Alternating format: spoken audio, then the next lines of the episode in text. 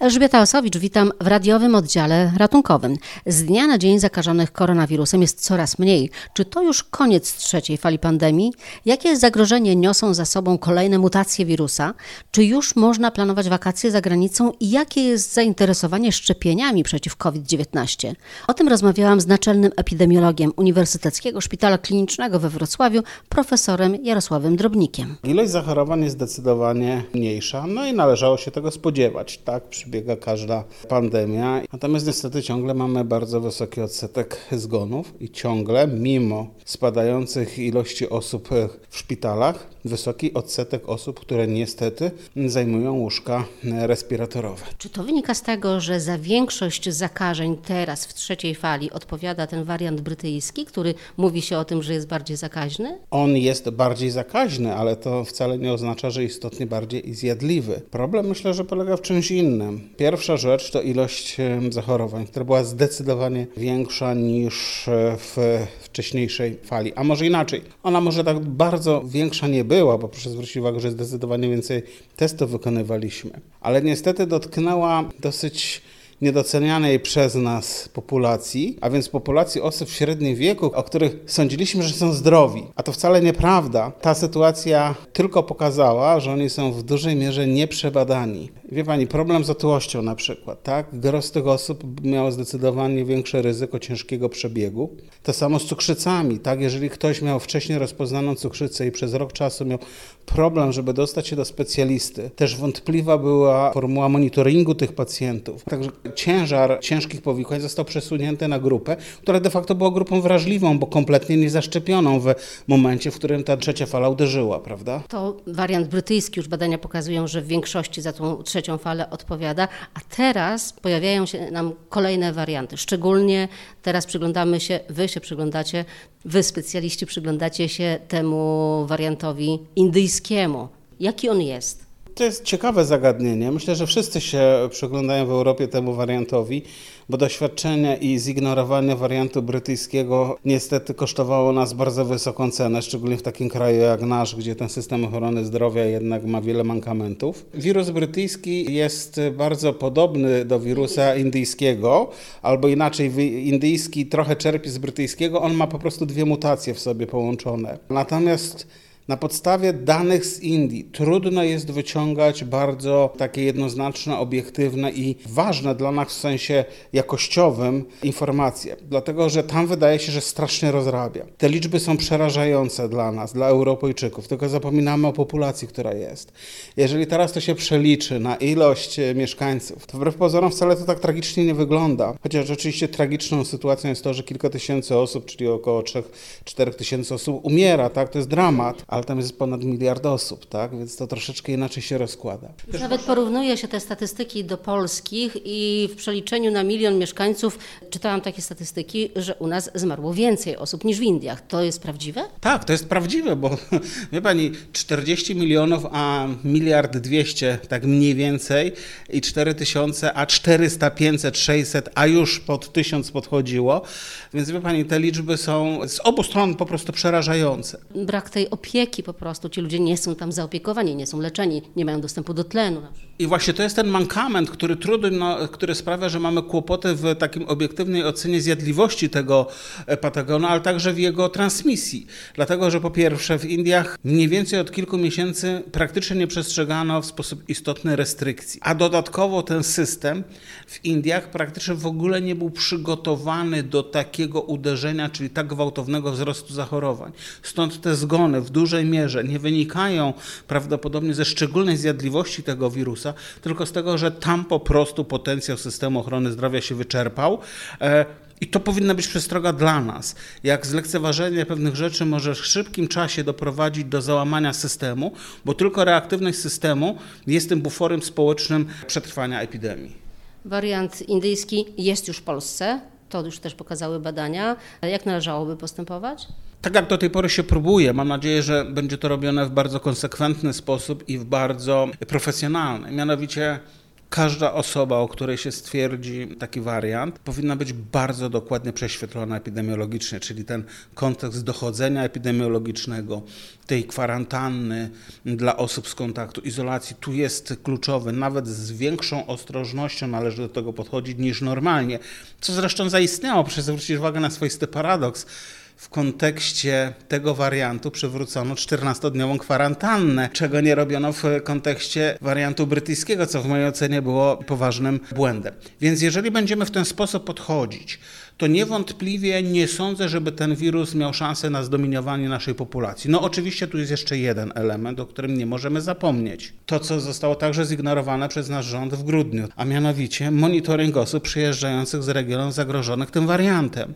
No nie możemy sobie już teraz pozwolić na niefrasobliwość, mm, a z drugiej strony mamy bardzo mm, ciekawy taki element e, czasu przed nami, czyli za chwilę wyjazdy, wakacje. Więc w tym kontekście tych określonych wariantów, i nie dotyczy to tylko wariantu e, indyjskiego, także wariant brazylijski, także warianty z południowej Afryki, tam wyjazdy powinny być po prostu zabronione. E, w takim sensie nierekomendowane, no bo oczywiście no nie możemy zabronić komuś wyjechać, ale powrót z tamtych miejsc powinien być uwarunkowany obowiązkową kwarantanną, którą być może można skrócić, tak jak robi się w tej chwili, po siedmiu dniach od e, powrotu, kiedy wynik e, badania PCR-em jest ujemny. I tego bezwzględnie należy przestrzegać. Wakacje przed nami, właśnie jak Pan wspomniał, Panie Profesorze, to zostajemy w Polsce. Czy te kierunki europejskie są bardziej bezpieczne? Kraje europejskie kuszą, otwierają się? Myślę, że przede wszystkim, czy to będzie Polska, czy to będzie Europa, tam, gdzie jest właściwy monitoring zachorowań, to nie ma dla nas znaczenia. Ale pierwszą rzeczą, którą powinniśmy bezwzględnie zrobić, to się zaszczepić. Po prostu. Wtedy będziemy mieli pewność, że jeżeli nawet trafi nas coś nieprzyjemnego, czyli jednak zakazimy się, to ten przebieg schorzenia będzie zdecydowanie łagodny. Natomiast także ryzyko zakażenia jest zdecydowanie mniejsze. I mam nadzieję, że w końcu ta formuła swoistego, nie wiem, paszportu covidowego, czegoś takiego jednak zaistnieje dlatego że biorąc pod uwagę także ciągle wrażliwą populację dzieci i młodzieży, które bardzo aktywnie będą w tym wszystkim uczestniczyły, wrócą później do szkół. A ja nie wiem, czy uda nam się wyszczepić dzieci do tego czasu, więc dzisiaj możemy jechać wszędzie. W Europie myślę, że to jest naprawdę bezpieczny element, bo ten monitoring jest duży. Nie mówiąc oczywiście o Polsce, ale przede wszystkim chcemy bezpiecznie spędzić ten czas, miło i przyjemnie. Zaszczepmy się prawie 5 miesięcy szczepień, no właściwie 4,5. Jak pan ocenia tempo szczepień? W tej chwili nie jestem zadowolony z tempa. O ile jeszcze do miesiąca do tyłu uważałem, że rząd robił bardzo dużo i to było dobre. Na, miarę, na miarę naszych możliwości, tak naprawdę, i w dużej mierze wynikający z ilości szczepionek, które dostawaliśmy. Tak myślę, że od miesiąca odnoszę wrażenie, że tak jakbyśmy stracili koncepcję i rytm szczepień nie widzę mobilizacji społecznej do chęci zaszczepienia się. Jakie grupy w tej chwili są najbardziej zainteresowane, a jakie nie szczepieniami? Bo wydaje się, że na przykład wśród młodych ludzi to zainteresowanie jest ogromne. Jutro zaczynają się szczepienia na Uniwersytecie Wrocławskim. 12 tysięcy osób na liście. Tak, myślę, że największe zainteresowanie jest w grupie osób młodych i osób mniej więcej chyba do 50 roku życia a więc osób, które w sposób naturalny są bardzo mobilne. Natomiast bardzo zaskakująca jest dla mnie sytuacja tej swoistej niechęci między 50 a 60 do 70 roku życia, czyli naszych jeszcze nie seniorów albo już seniorów, prawda? Proszę zwrócić uwagę, że to była grupa, która w sposób szczególny była uznana przez to państwo. Mieli możliwość dostępu do szczepień jako grupa szczególnego ryzyka jednak w dużym odsetku nie skorzystali. No dziwny swoisty egoizm, którego nie potrafię zrozumieć. Natomiast młodzież tak, bardzo chętnie i to jest chyba ten moment, który powinniśmy wykorzystać. Natomiast tu też jest pewna pułapka taka psychologiczna. Większość z tych młodych ludzi chce się szczepić Johnsonem, dlatego że jest jedną dawką. To jest bardzo dobra szczepionka i bardzo wygodna w tym kontekście. Więc myślę, że powinniśmy pomyśleć o tym, żeby w jak największy sposób pozyskać tę szczepionkę lub i to już wraca w dyskusji, proszę zwrócić uwagę, wrócić do pierwotnego schematu podawania drugiej dawki, a więc tego minimalnego wynikającego z HPL-u, tak? Bo to wydłużenie drugiej dawki wynikało na początku z dostępności do szczepionek. W tej chwili chyba już nie jest to tak e, dramatyczny problem, a zaczął się wyścig z czasem. Do niedawna ignorowany trochę przez naszych pacjentów, ale teraz, kiedy te paszporty covidowe staną się rzeczywistością, więc pewna mobilność w ramach e, e, kraju nie będzie tak strasznie ograniczona, ale na zewnątrz już może być. No i ten wyścig się zaczyna z czasem w kontekście drugiej dawki. Dopiero druga dawka daje nam pełne wyszczepienie. Co to oznacza? Że osoby, które podejmą decyzję o szczepieniu się w czerwcu, jeżeli to nie będzie Johnson, to się nie wyszczepią w przeciągu miesiąca na pewno. Warto o tym już w tej chwili mm, pomyśleć, ustawić się do kolejki za każdą szczepionką, bo nawet jeżeli to będzie Astra bądź e, Moderna, to i tak jest szansa, że za chwilę druga dawka będzie po czterech tygodniach, a więc bardzo szybko i skutecznie w kontekście wakacji. Pojawiły się takie pytania.